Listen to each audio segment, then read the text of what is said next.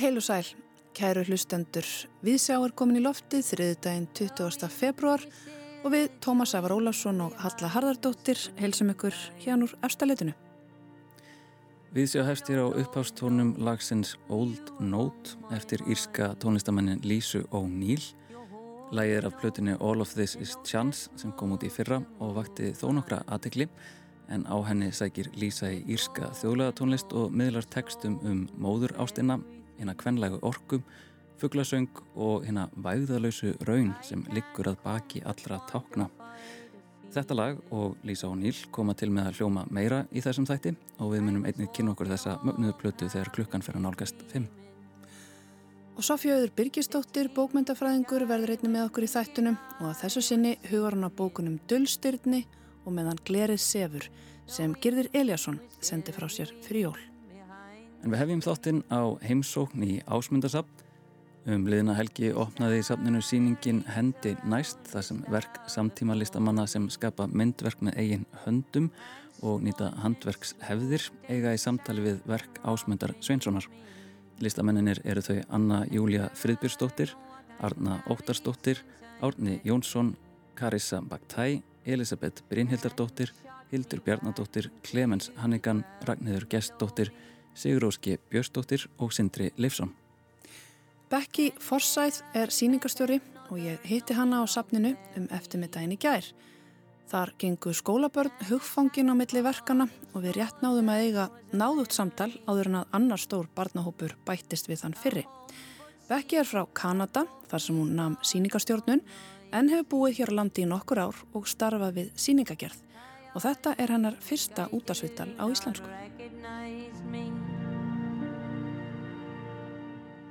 Á þessari síningu mætast verk, það er þetta samtal sem er reglulegt hérna í húsinu, það sem að verk ásmundar mætast einhverjum samtíma listamönnum og þessi fókus sem að þú ert með hérna einblýnir á uh, listamenn sem að skapa með höndunum, nýta sér handverkshefðir. Af hverju þessi fókus? Þetta fókus hefur verið í svona hugmynd hjá safninu mjög lengi út frá því hvernig ásmundur var uh, að byrja hans verðli sem tre útskorður. Hann byrjaði í, í því hér í Reykjavík og svo uh, fór hann með þetta inn í listin sín og var halda áfram að kynna alls konar efnum fyrir utan tre og hefur nýtt það í listin sín mjög uh, mikið. Til dæmis hann var uh, að prófi alls konar efnum til dæmis gifs, brons, blí stein, fyndið efni. Og hugmynd á bakvið þetta síning var að fara út frá þetta samtal þar sem við erum að setja eitt list, uh, listamann með ásmundur og búið til svona hópsýning mm -hmm. af fólki sem snerta eða er að tala um eða í tengslu við handverk samtímans.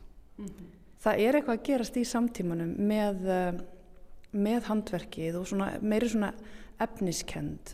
Það er margir að vinna með textíl og málverkið líka, verðist vera og tre, efni, textíl. Það verðist vera áhugi hjá uh, samtíma listamönnum og ungum listamönnum að vinna í höndunum, ekki þetta? Jú, ég myndi segja það og við erum að setja þetta fram hér sem einhvers konar svar við tíman sem við lifum í núna sem er mjög tæknilegt og digital og við erum oft fyrir framann tólfina og ekki vinna beint með höndum og ég held að listafólk, samtíma listafólk er að sækja í svona efni og tækni til að, til að fara út frá því og, og færi mhm. nær uh, listin sjálfur og, og nær eitthvað svona uppruna og, og kjarnakanski eða svona nær því að já, hlutinni verði efniskendar en ekki svona óáþreifanlegir. Heldur þetta sé kannski viðbrað við þessari tækni veröld sem við búum í. Já, mm. Og þetta samtal líka var mjög mikið í gangi í, í kringum COVID eins og við veist, fólk var, var heima og var að sækja í það sem var í nærum svona umhverfi.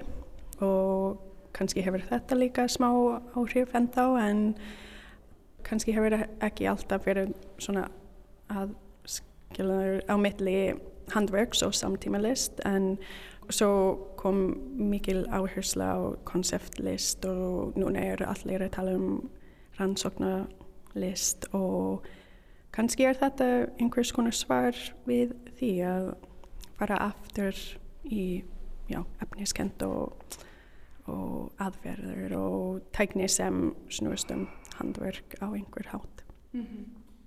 Ymmitt, þannig að þetta viðbrað bæði við kannski nútímanum og þessum heimi sem við lifum í og, og svona viðbrað við því sem hefur verið í gangi bara á 2000-aldinni og upphæðu þessar aldar sem, svona, sem er meira hugmynda, hugmyndadrifið heldur en, heldur en kannski annað. Já. Annað líka sem að væri kannski hægt að tala um í tengslum við þetta er eins og þú sagðir að það ekki, hefði ekki alltaf verið aðskilnaður á milli handverks og listar. Það er líka þetta með virðisstegan og svona vægi sem við höfum gefið hlutunum, ekki satt, vegna þess að kannski var handverki eða svona myndlist sem að tengdist hand, handavinnu ekki, ekki borin mikil virðing fyrir henni eða hvað? Einmitt, já, það er oft talað um handverk, um handverk í tengslu við heimastörf eða hvenna vinna af því, já, oft erum við að tala um textil eða eitthvað sem er hægt að nota heima, heima hjá sér, svona utility hefur eitthvað notagildi. notagildi. Og um, nú held ég að þetta sé þetta hefur breyst svolítið mikið af því það er ekki lengur já það er meira verði settur á, á handverk sem konun er að gera til dæmis og í samhengi samtímalistar og um, mm -hmm. En svo er það fallið þinn hlut Becky að finna listamenn, það eru fjöldi listamanna hérna á þessari síningu mm -hmm. og á sama tíma velja verk eftir ásmund og láta þau tala saman. Mm -hmm. Ef að byrja á sveinstykkinu hans, Já, kannski. Heilega. Hér eru þetta að horfa bara á ótrúlegt handverk og hlut sem hefur mikið notagildi. Já, þetta er sem sagt sveinstykki hans ásmundar frá 1900 og 19. Um, þetta var mjög einfalt að, vel, einfalt að velja sveinstykki hans ásmundar og þetta sýnir mjög mikið handverkskunnáta og hann gerði þetta stóll þegar hann var að útskrifa sem tre útskurðu maður hér í Reykjavík og ég líti á þetta sem, sem svona byrjumpunktur og svo lokapunktur punktur í þetta síning. Uh, þetta er hér ekki í fyrsta rými, hér í, í bóanum, í skemminni og þetta er eitthvað sem fólk mætast eftir. Þau hefur farið í gegnum öðrum verkum og er mest svona handverks munurinn hér á síninguna. Mm -hmm.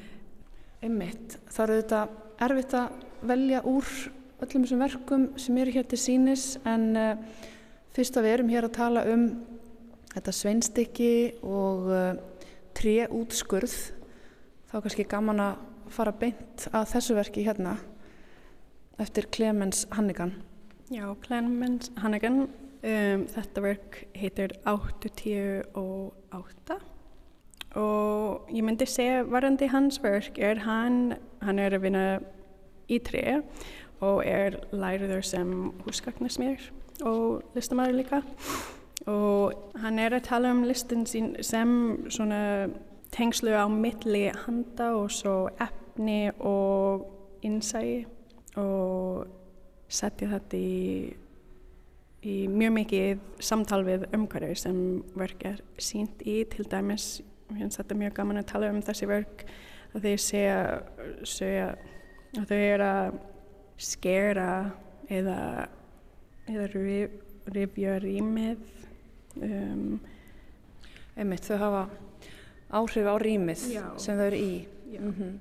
Einmitt. Kanski ekki alveg það sem ásmundur voru að hugsa á sínum tíma. Nei. Og, og talandum hérna handvershæðina og uh, virðingarstegan, hér eru með Örnu Óttarstóttur sem hefur vakið aðtegli fyrir textilverkin sín.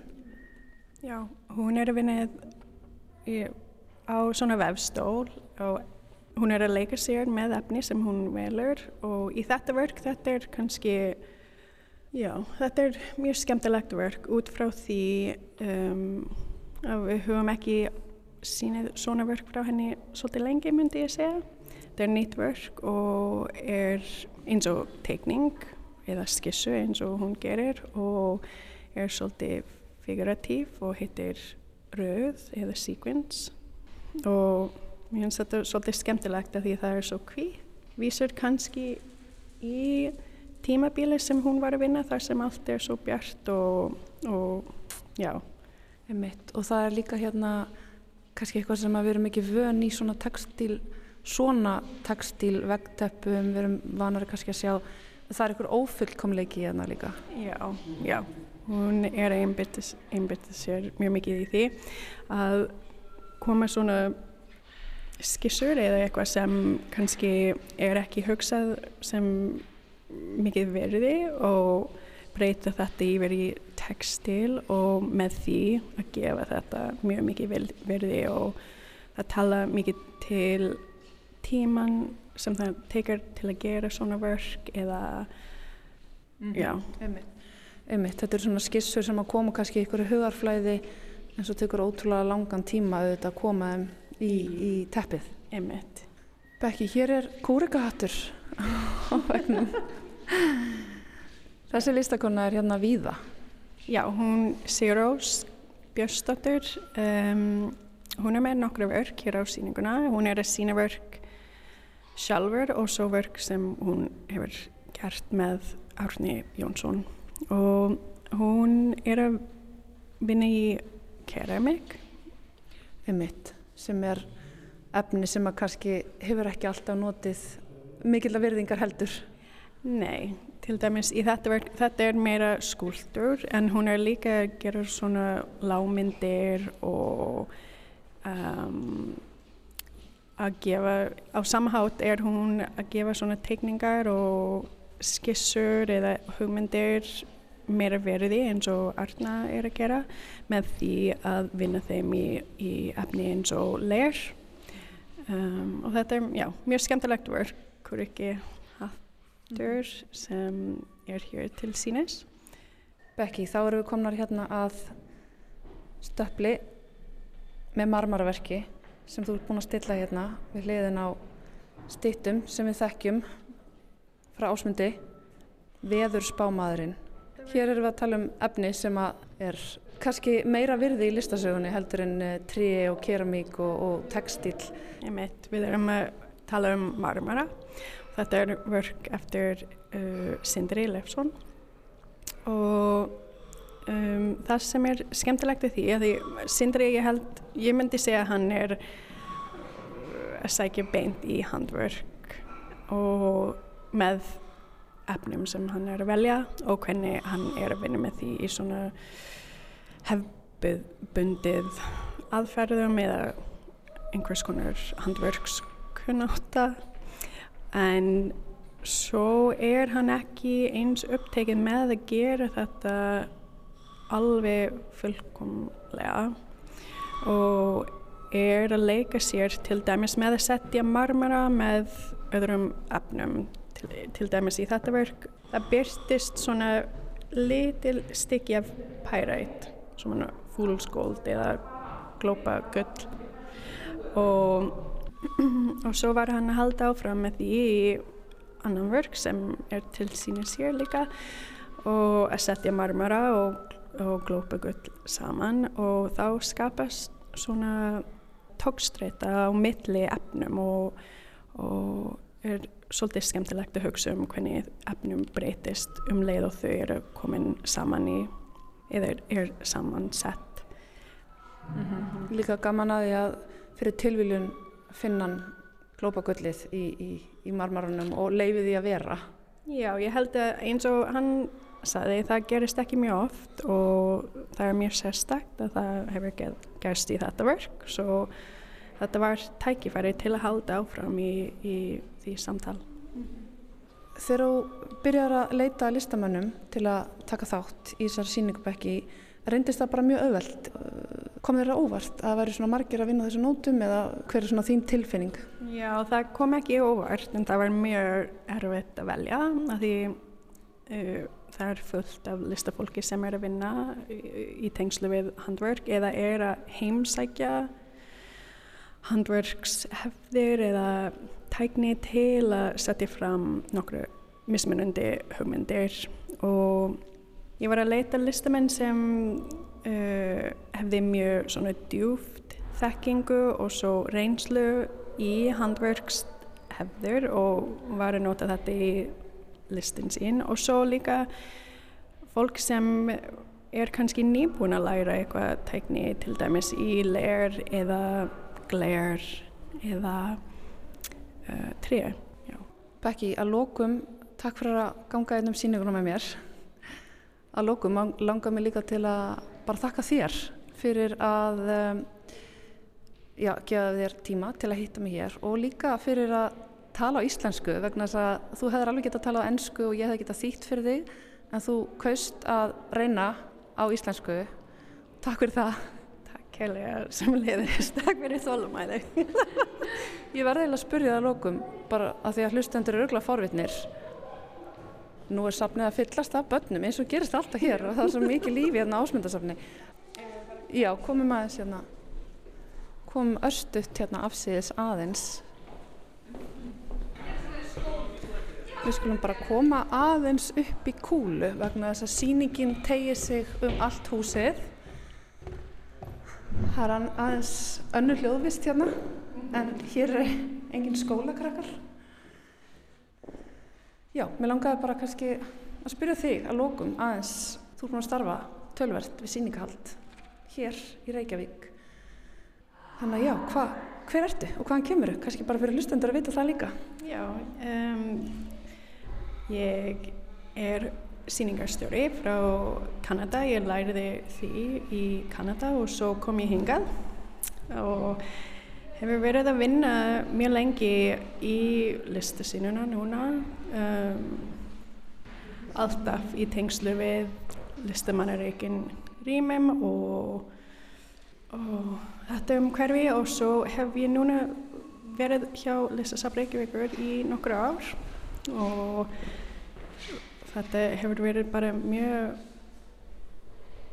skemmtilegt tækifæri til að komast aðeins lengru inn í samfélagið, í, í listasamfélagið og, og að læra meira um, um sögulega listasögu og sérstaklega í tengslu við Ásmundur Svensson og Kjarval og Erro og allt þessi listamenn sem listasafn Reykjavíkur er að sína og, og miðla. Já. Já. Takk fyrir það. Nú er kúlan líka fyllist. Þetta er alveg brjálað að gera hérna. Já. Takk aftur Becky. Takk sem leiðis.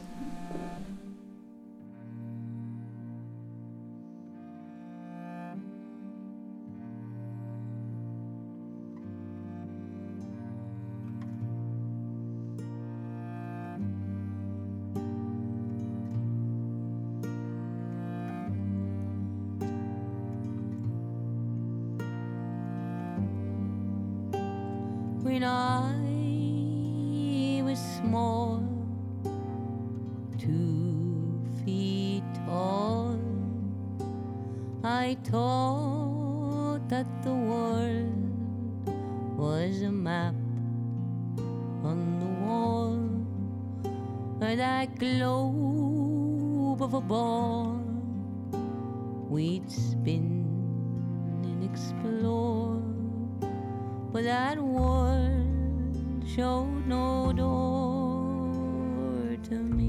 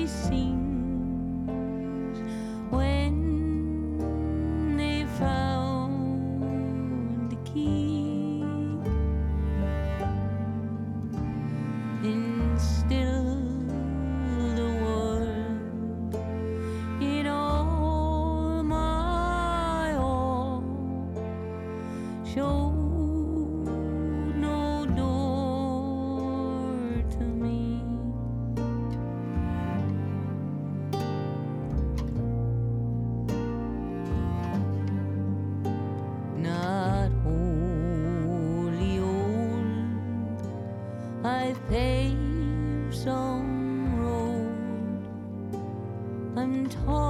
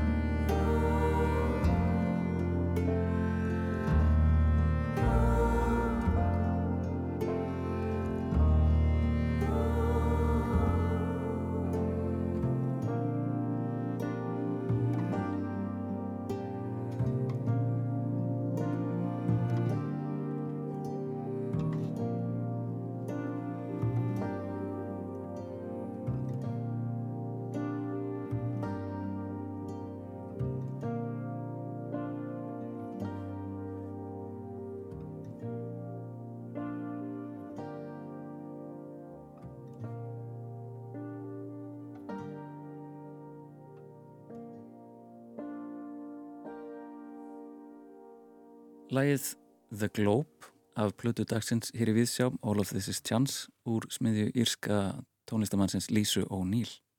Já, og uh, þar áður sagði Becky Forsyth, síningarstjóru, okkur frá síningunni Hendi næst, sem opnaðum liðina helgi í Ásmundarsafni. Sýningin mun standa yfir fram í september og við munum eflaust gefa okkur tíma til að kynna okkur hana betur síðar með einhverjum listamannana. En úr myndlistinni ætlum við að taka beigina yfir í bókmentirnar. Sofía Auður Birgistóttir, bókmyndafræðingur, tekur nú við. Girðir Eliasson sendi frá sér tvær ljóðabækur síðastliði haust og í annari þeirra sem ber titilinn Dölstyrni er að finna ljóð með yfirskriftinni Fáein orð um náttúrufegurð. Það er eflust undarlegt en ég finn alveg næga fegurð í bældu og sölnuðu grasi, í nögtum grjótbreiðum, í skófum á steinum, í njólum sem tegja sig upp úr brúnni mold. Fjöllin þurfi ekki að vera heiminn há, Sjórin þarf ekki alltaf að vera blár og trén, þótt ágætt séu, eru ekki ómissandi. Og það má vera rigning og vindur og hvað annað sem hverstagurinn kann að flytja með sér. Spyrja má hvort í þessu yfirlætislösa ljóði sé eftir fólkin vísir að fagurfræði girðis. Ljóði vittnar um sín skáld sem getur gert sér hvað sem hverstagurinn kann að flytja með sér að yrkisefni og unnið úr því á þann hátt að nýmerking ljúkist upp fyrir lesandanum. Það er ekki síst í slíkri umbreytingu sem galdur ljóðlistar fælst og á þeim galdri hefur gerðir afbyrða góð tök. Hínbókin nefnist meðan glerið sefur og þar má meðal annars finna ljóðið skaldið í rauntíma þar sem gerðir yrkir til finlandsænska skáldsins Gunnar Spjörling. Tilutnun. Þegar hann yrkir ljóð er hann ekki að yrkja. Hann er einfaldlega að anda með sólinni. Þegar hann er ekki að yrkja ljóð er hann samt að yrkja. Hann slær takt reksins í klukkakistuna meðan hann starir út. Ég hygg að það sama gildi um gerði sjálfan að ljóðlistin sé honu jafn mikilvæg og andadrátturinn. Það er tvær bækur sem hér er fjallaðum eru nú með 17 og 18 í röð frumsamina ljóðabóka gerðis. Ein endurútgáfa fimm fyrstu ljóðabókana hefur komið út sem á eitt ljóðaúrval. Auk þess sem tvær þykkar bækur sem innihalda ljóðaþýðinga gerðis hafi verið gefnar út. Þá eru ónemdar sjö skáldsögur, 11 smásagnasöfn og fjögur söfn smáprósa. Girðir hefur einni gefið út eitt greinasöfn og þýtt ógreini bóka. Hlutverk girðis í íslenskum bókmyndum er viðamikið og mikilvægt og afrakstur vinnu hans glæsilegur. Ljóðatvennan dölstyrni og meðan gleri sefur eru þar engin undantekning. Í dölstyrni er að finna þetta ljóð sem hefur yfirskriftina umbreyting. Þegar kýmvesk fornskáld ortu ljóð fóru þau yfirleitt fyrst til fjalla, annars náðu þau ekki andanum. Þunnaloftið hentaði þeim betur. Þau þurftu líka að sjá yfir lálendið til að geta ort um það. Í dag yrkja skáld yfirleitt neðan úr brunnum, djúpum brunnum með þungu járloki og enginn heyrir til þeirra. Umbreytingin sem líst er í þessu ljóði er nöturleg. Skáldin dvel ekki lengur í hæðum með yfirsýni við lálendið, þeim virðist hafa verið vísað og hann í djúpan brunn og þungu loki skellt á. Ef ljóð þurfa að ferðast úr djúpum brunnum með þungu járloki er ekki skrítið að þau nái eirum fara. Og líklega er það svo. Ljóð ná ekki eirum neittna nema þeirra sem leita sérstaklega eftir því að heyra þau. Hitt vita þá allir að jáfnvel þeir sem ekki leita í ljóðlistina kvestaslega gera það við ímiskona tækifæri. Þegar halda á ræður að ýmsum tilöfnum koma ljóða góðu gagni og þegar sorgin rýður yfir reynast ljóð geta líknað sem fátt annað og þau geta komið til bjargar þegar allar aðrar bjargir virða spannaðar. Í því sambandi má minna á bók sem ég fjallaði um á þessum vettfangi nýverið, Lífið er staður þar sem bannað er að lifa, eftir Steindor Jóð Erlingsson.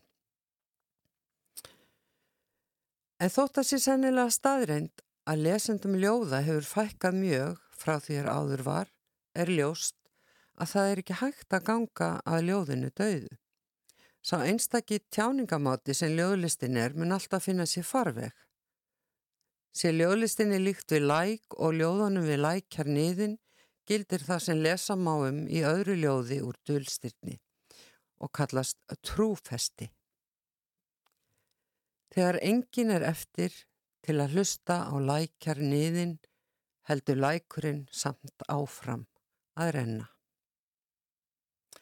Svo haldið sér áfram með þessa samlíkingu lækjar og ljóðlistar má segja að sá lækur sem Girðir Eliasson sækir í og knýr áfram sé vasmikill og breyður og líkt og gildir um lækjar ströymin er hann alltaf nýr þegar stíið er í hann.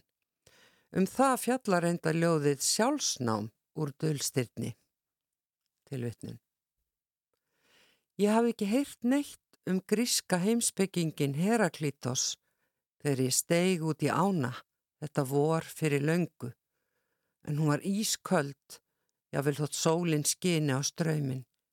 Ég stökk æpandi upp á bakkan, en reyndi síðan aftur eftir smá stund. Þá var þetta allt önnur á, ég fann það um leið. Dölstyrni og meðan glerið sefur mynda tvennu líkt á smáprósasöfnin tvö sem gerði sendi frá sér í fyrra, þögglumindirnar og pensilskrift.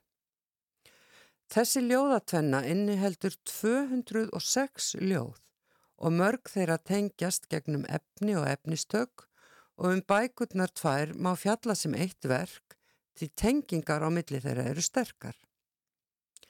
Í mörgum ljóðana mætum við ljóðmælanda sem eru á ferðum Ísland og skoðar landslag og fólk Gjarnan í gegnum bílrúðu, stundum í rigningu, ljóði rigning í berufyrði ef fyrirtagsdæmi. Tilvitnun. Hér koma lækirni niður úr fjöllunum eins og þeir get ekki beðið eftir að komast út í sjó. Ég hef hvergi séði jafn mikinn ákafa vats og ég horfi hugfangin meðan þurrkurnar fjarlæga lækina á framrúðunni sem renna upp á við.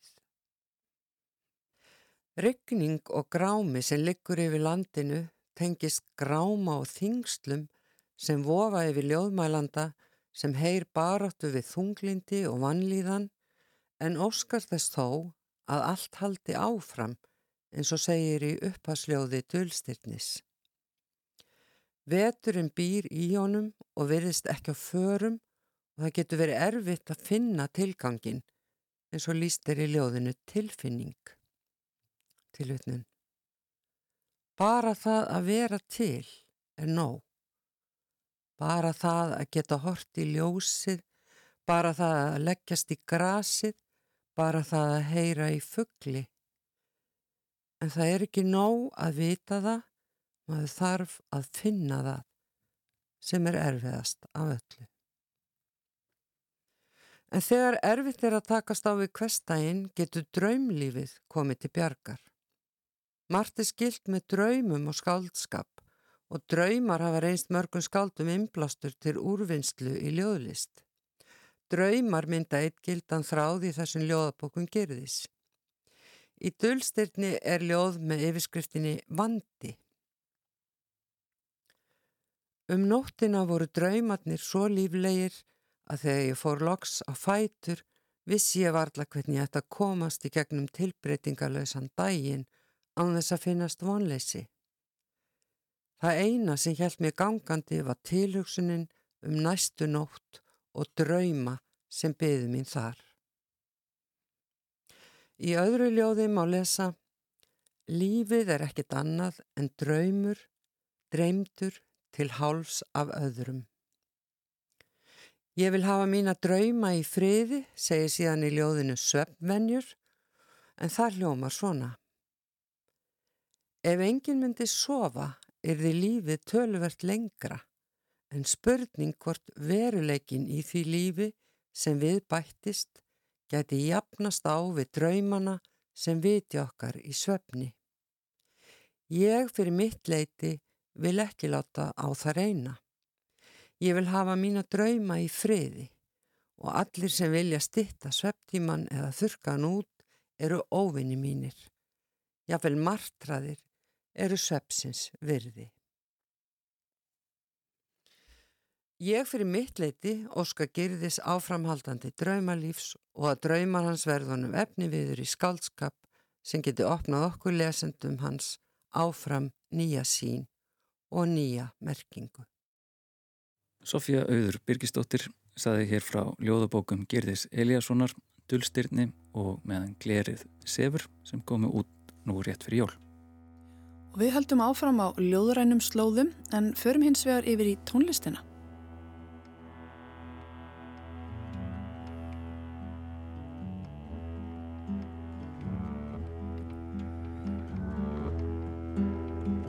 Clay is the word, and clay is the flesh. With the potato gatherers, like mechanized scarecrows, move along the side fall of the hill. Clay is the word, and clay is the flesh. With the mushroom gatherers, like majestic scarecrows, skip along the side fall of the hill. Orðið var leir, holdið var leir og allt varð hendingu háð. Það er einber tilviljun að lífið kviknaði í kviðnum, spratt úr moldinni, jarðvegurinn mun snúast, snúast gegn okkur, við snúum honum okkur í hag, því allt er hendingu háð. Fyldu mér ímyndunar afl inn í járnhúsið, þar sem við fylgjumst með úr dýragættinni árunum ganga aftur og við munum skilja hvað hendur smábóndans krótuðu á síðuna. Oktober síndu mér vægð og allt varð hendingum háð. Það er einberð tilviljun að lífið kviknaði í kviðnum. Ég óttast dauðan, ég óttast lífið. Orðið var leir, holdið var leir.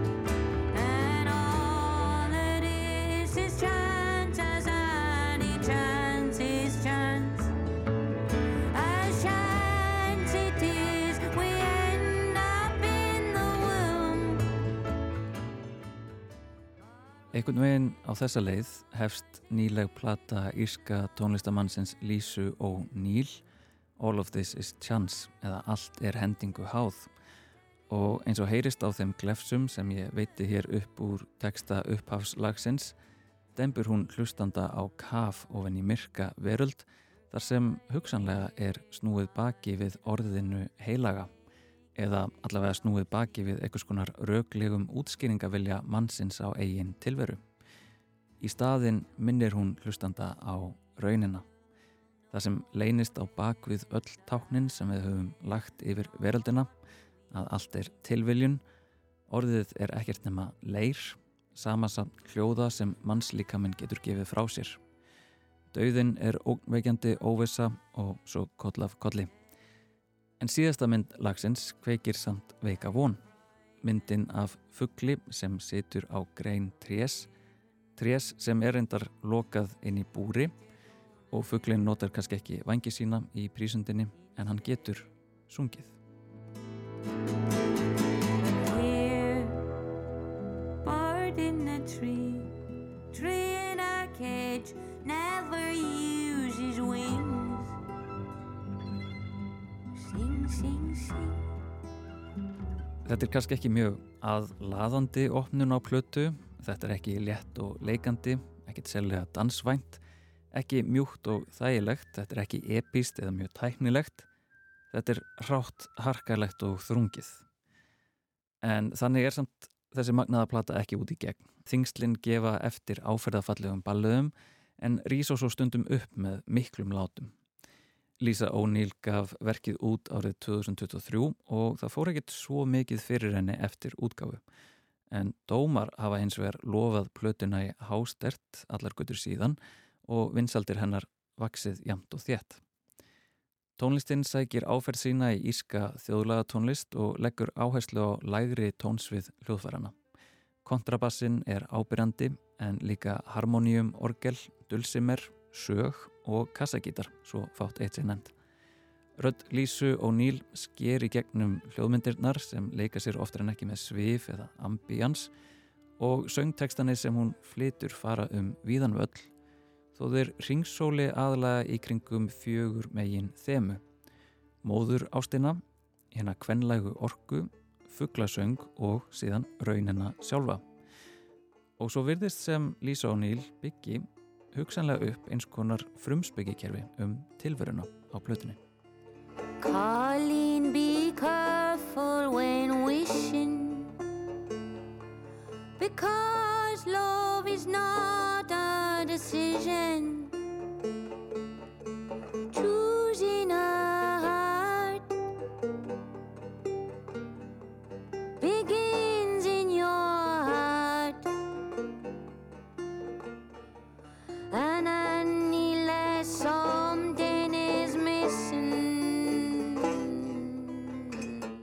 Strax í lægi nr. 2, Silver Seed, vikar Lísa O'Neill þá litlu von sem innilokaði fugglin veitti í opnunarlæginu.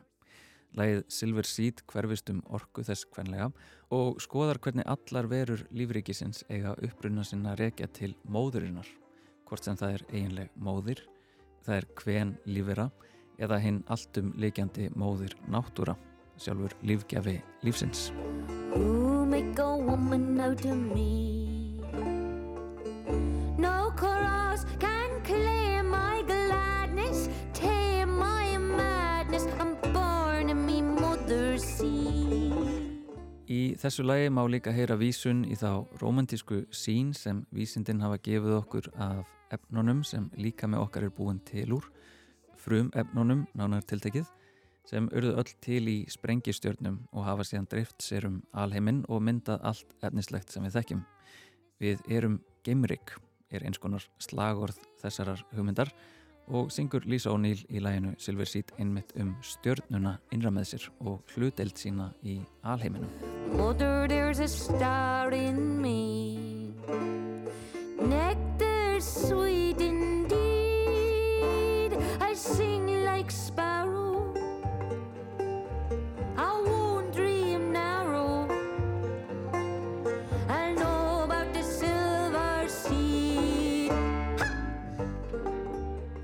Í gegnum plötuna skoðar Lísa O'Neill síðan persónu enginni ímessa fuggla og velti sérstaklega fyrir sér söng þeirra í læginu Birdie from Another Realm. Hún skoðar móðurhlutverk út frá hlið bards og móður í læginu Wist the Wild Workings of the Mind og velti fyrir sér breytilegu sjónarhórni okkar á veröldin og aðgengi okkar að henni í læginu The Globe en líka hvernig við klæðum heiminn í merkingu og tákn með því að mála hann eða kortleggja. En merkingakjarnin sem ómar í bakgrunni flestra textana á plötunni kemur líklega sterkast fram í læginu Old Note. The wind whistled you in behind the springtime. Float old note, new among my mind. You hold the note, the note just moves the movement. Let go of the note and so move everything. I can't come to quantify the feeling. I was walking home half in a dreaming. The things that I was thinking I was singing.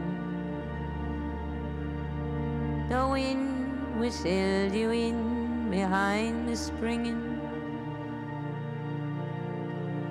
A star and rings around the star before me. And spun and swooped and sank and rocked beneath me. And mirrored what I've carried since I met me and shot me back into the ground below me.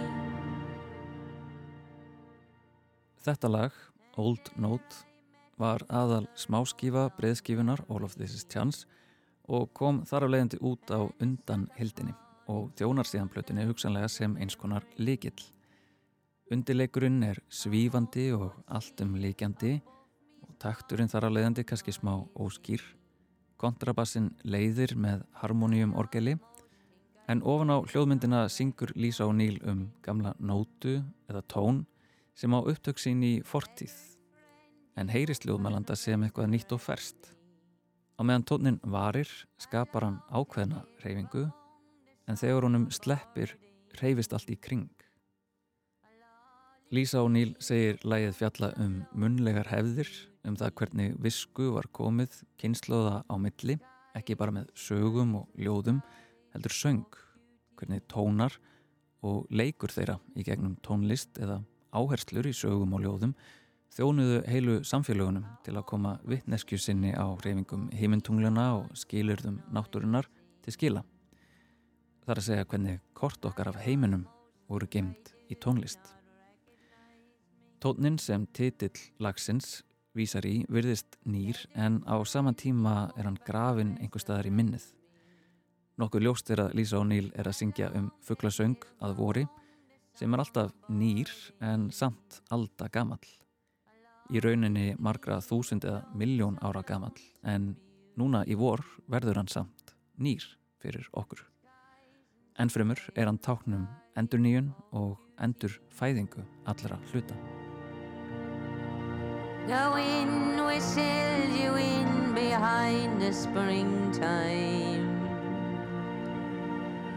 Float all note new among my mind. You hold the note, the note just moves the movement. Let go the note and so move everything.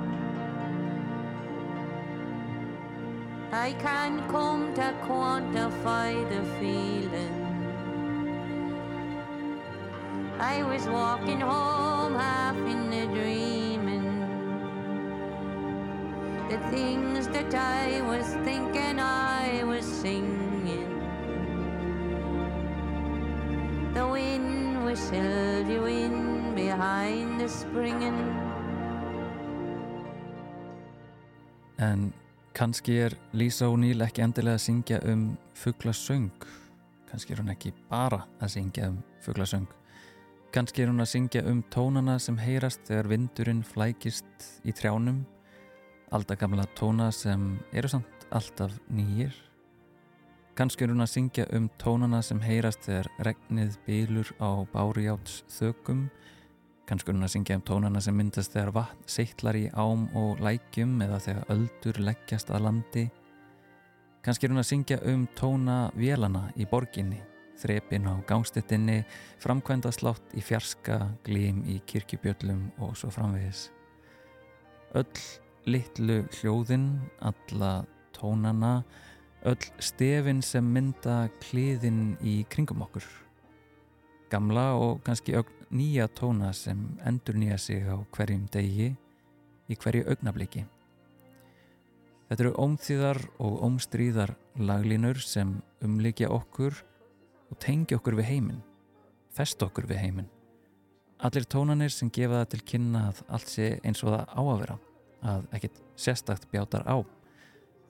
Og ef við fyrir kannski einu skrefi of langt í þessari greiningu þá eru til kenningar innan hugvísinda þar sem því er haldið fram að frumtengsl okkar við heiminn eigi sér staði gegnum tóna eins og þá gömlu sem Lisa O'Neill lýsir í læginu Old Note. Að í kviði móður okkar læru við að þekkja óminn af rödd móður okkar og þegar glundróði veraldarinnar skellur á okkur eftir fæðingu er það rödd hennar sem verður okkar fyrsta haldreipi merkingar. Fyrstu gömlu tónanir svo að segja. Tónar sem mynda stutt stef sem koma tímabundinni reyðu á óreiðuna Ég held allavega að það sé engin tilviljun að Lisa O'Neill ljúki plötunni All of This Is Chance á vökkuvísunni Good Night World. Og það er á því fallega lagi sem við ljúkum einni þætti dagsins. Takk fyrir að vera með okkur í dag. Við sjá verður aftur á sínustaf á morgun, þá með svipmynd af tónlistamanni. Takk fyrir að hlusta og verið sæl.